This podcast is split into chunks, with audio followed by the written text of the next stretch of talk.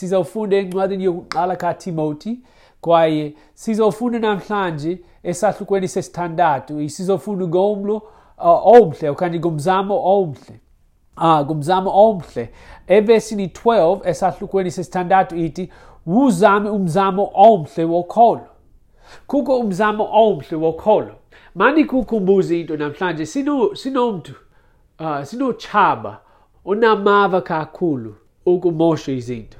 Kwaye izinto zonke ezilungileyo ezenziwayo nguthixo usathana unezinto zakhe eziyifeki kwaye uzama ukutsala homdlo wabantu kwicala lakhe ne-counterfeit yakhe. Andazi ukuba uyayazi eligama i-counterfeits. Zikhona i-counterfeits zezinto zonke ezilungileyo zikathixo. Umzekelo uthando. Apha ehlabathini kukho uthando olufake lukasathana kodwa xa ufunda ibhayibhile uthixo uyasibonisa uyasifundisa ngothando oluyiyo. Kukho ubulungisa obuyiyo. Ubulungisa buvela kuyesu kristu. Kodwa usathana nobulungisa bakhe ubulungisa behlabathi. Xa abantu benza imisebenzi emihle abantu behlabathi bacinga ngabantu abalungileyo ngabantu abalungileyo. Kodwa ibhayibhile iyasifundisa akubantu njengokuba kubaliwe kwathiwa akukho lungisa hayi nalinye ubulungisa bukathixo buvela kuyesu kristu. Buvela ngokholo ngomsebenzi kayesu kristu emnqamlezweni. Usathana ulichuli lokwenza i-counterfeits. Une-counterfeits ezininzi apha ehlabathini. Namhlanje sizofunda ngomzamo omhle okanye ngomlo omhle. Kwaye ngokuqinisekileyo usathana unomlo ongalunganga. O-counterfeit yakhe. Ndingakhumbula ixesha lokuqala ndaqathwa nge-counterfeit. Ngokuya uh, saphila emzansi melika sasebenza. Inkosikazi yam nam sasebenza phesheya peru for iminyaka emithandathu. Ngokuya ndafika emzansi melika eperu ndaqathwa ngomntu esitratweni. Kwakukho umntu othengisa izinto esitratweni wayethengisa i-specs ezazi-specs ezidurayo ezizi-oakley andazi ukuba uyayazi ngezo kodwa ziduru inoba 2000 rand 2500 rand. Kwaye lo mthengisi wayenazo kwaye zazicheap 400 rand. So ndathenge zazinhle kakhulu zazinxiba imini yenye kodwa uyayazi into ngokuya ndafika endlini into yayenzeka.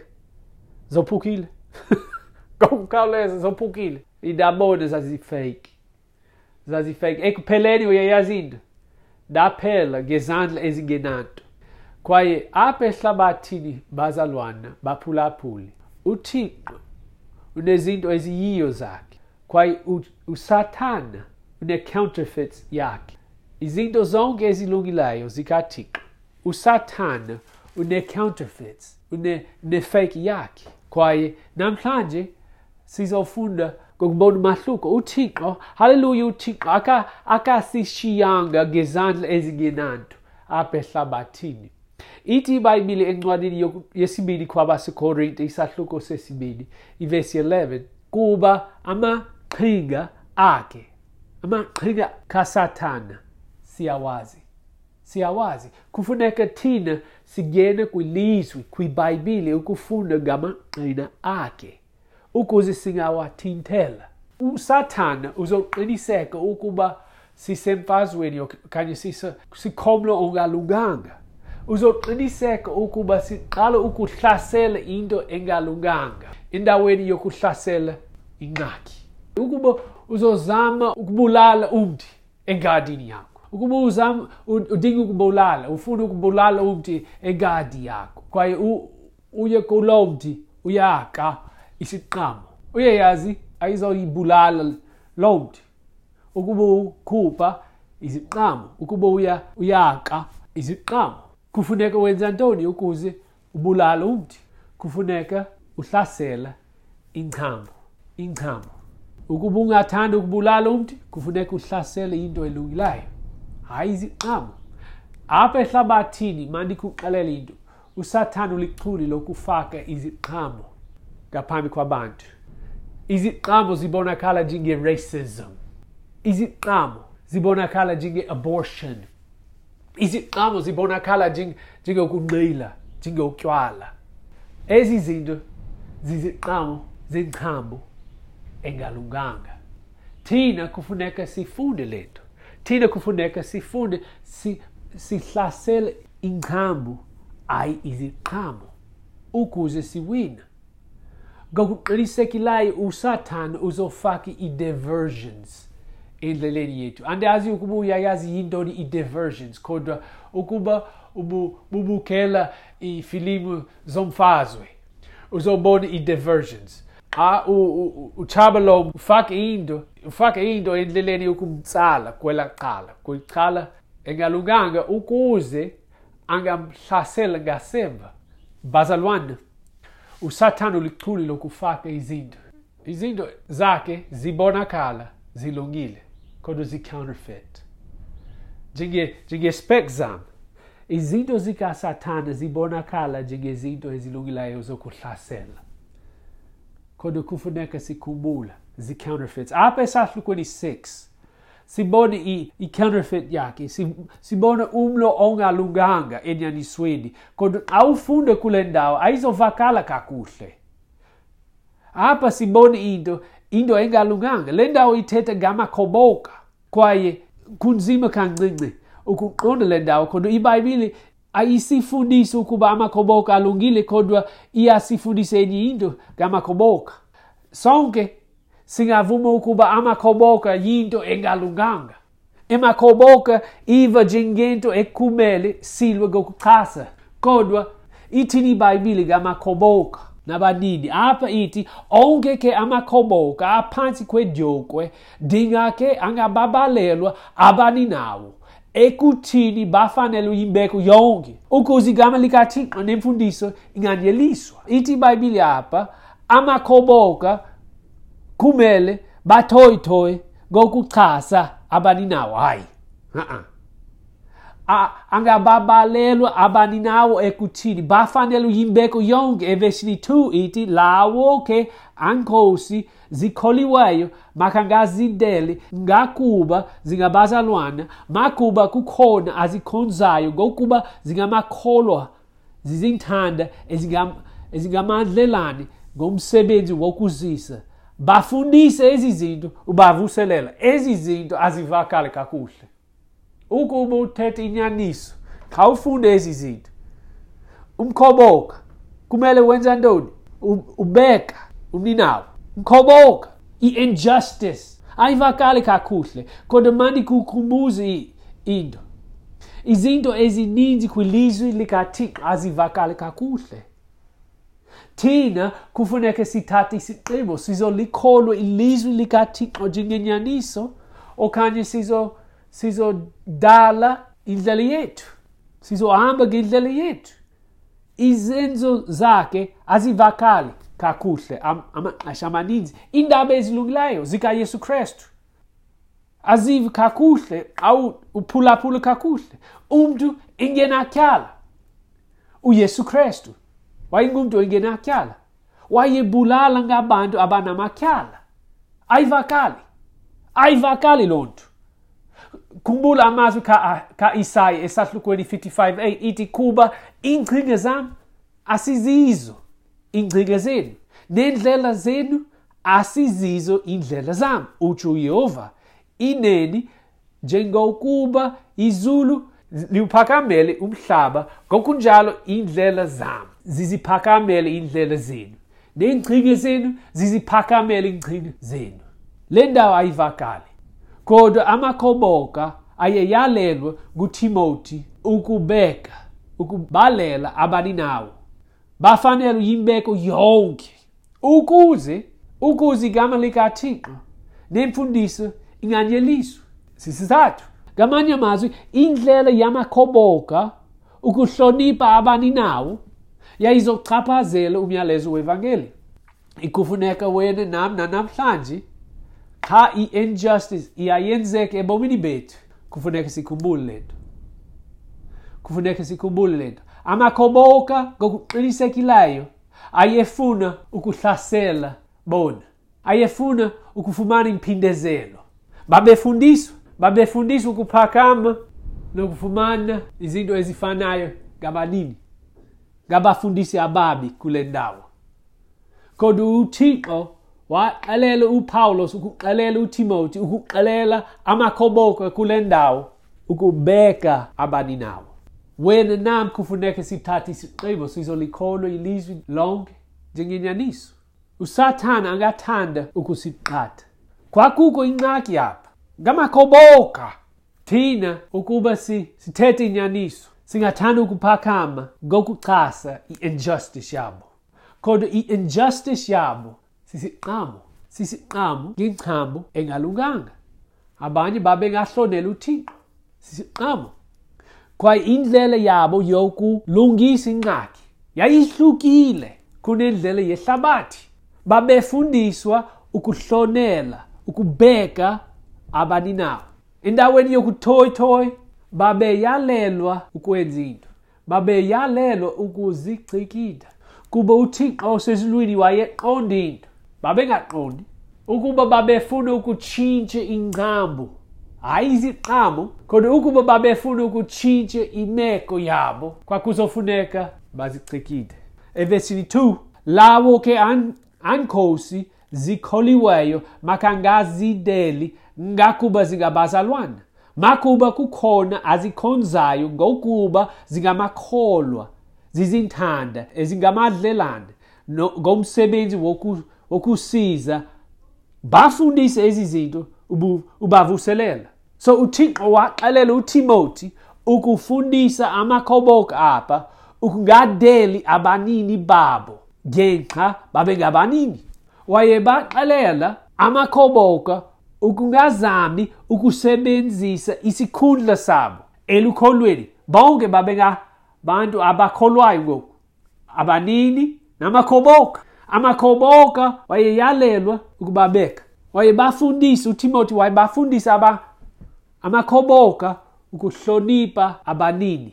Ukuze bonke bazuze. Ngamanye amazwi amakhoboka apha ayengakwazi ukuzama ukulungisa abanini. Kodwa amakhoboka kwakumele azixele aqeli kuwo. Asikwazi ukulungisa abanye. Isiko lethu lizosixelela ukulungisa abanye. Asikwazi. Xa siqala ukuzama ukulungisa abanye ha-a sizodala ezinye ingxaki indlela kathixo zichikide qhile ukuzilungisa.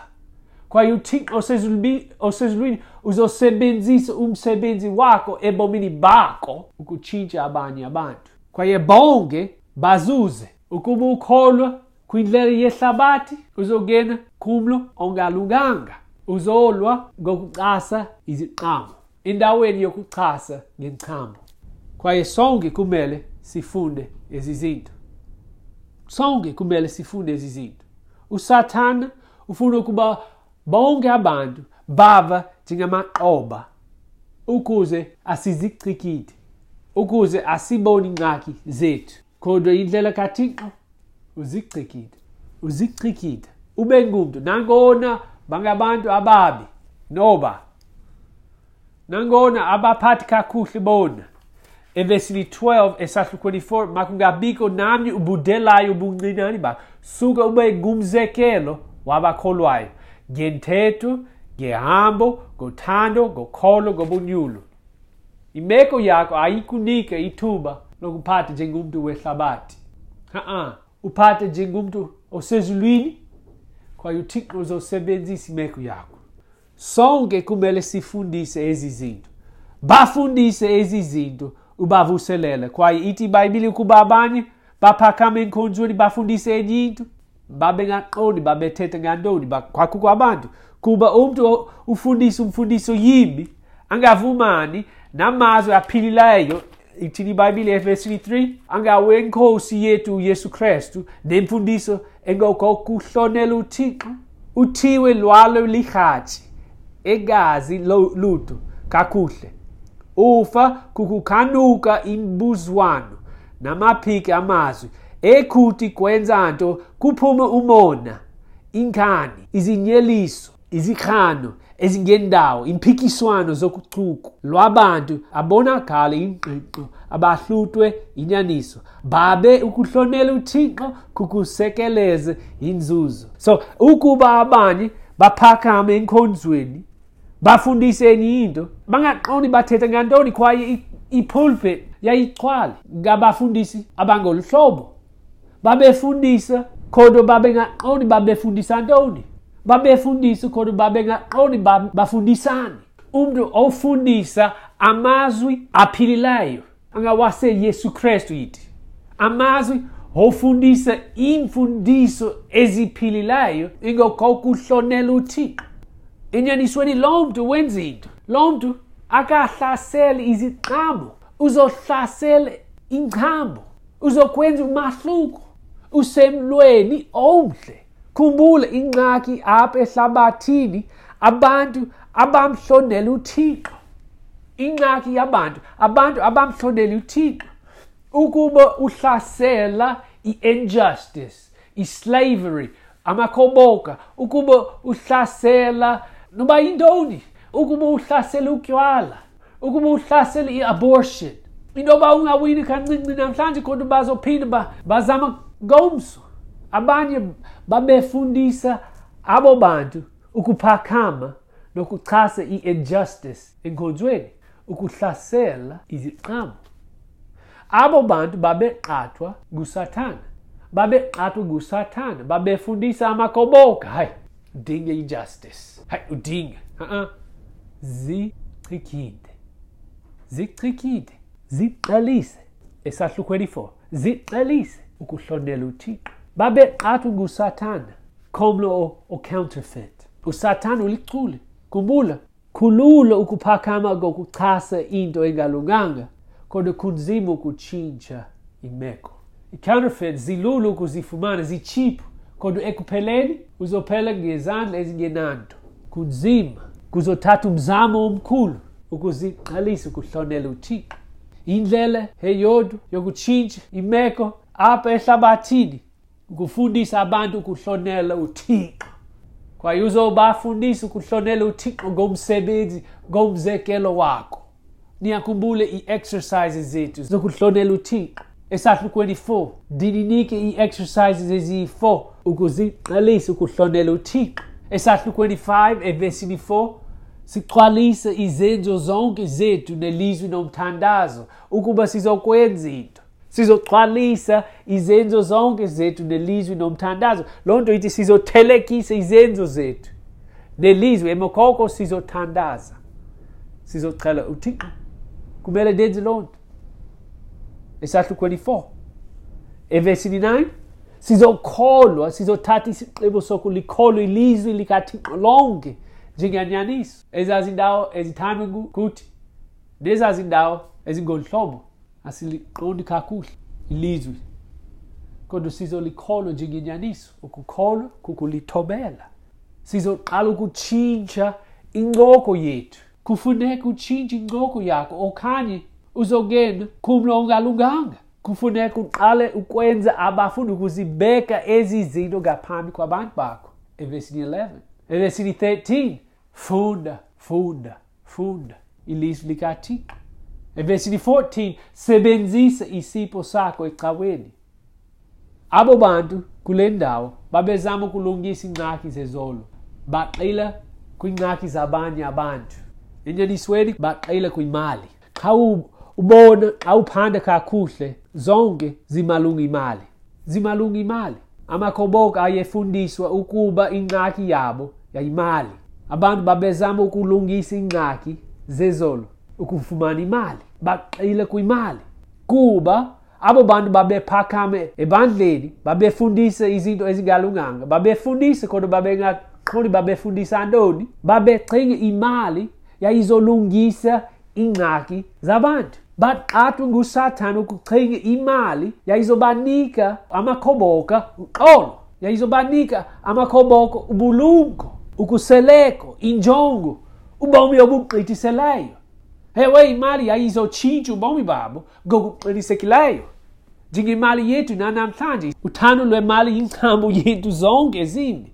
Kodwa babeqathwa kusathana uthando lwemali izokukwenza ukungena emlweni ongalunganga oko. Qaphela ke wena evesini 11 umuntu kathixo zibaleka ezi zinto. Phuthuma ke ubulungisa ukuhlondela uthixo ukholo uthando unyamezelo ubulali. Uzame umzamo omhle wokholo. Kuzothatha umzamo omhle wokholo. Kuzothatha umzamo omkhulu ukhulu umlo omhle. Okanye uzoqala ukhula umlo ongalunganga. Ekupheleni uzophela ngezandla ezingenanto. Kuba ubuqila kwi-counterfeit kufuneka wena ukhumbule usathane ulichule lokuqatha abantu. Zibaleke ezi zinto. Phuthuma ukuhlonela uthixo.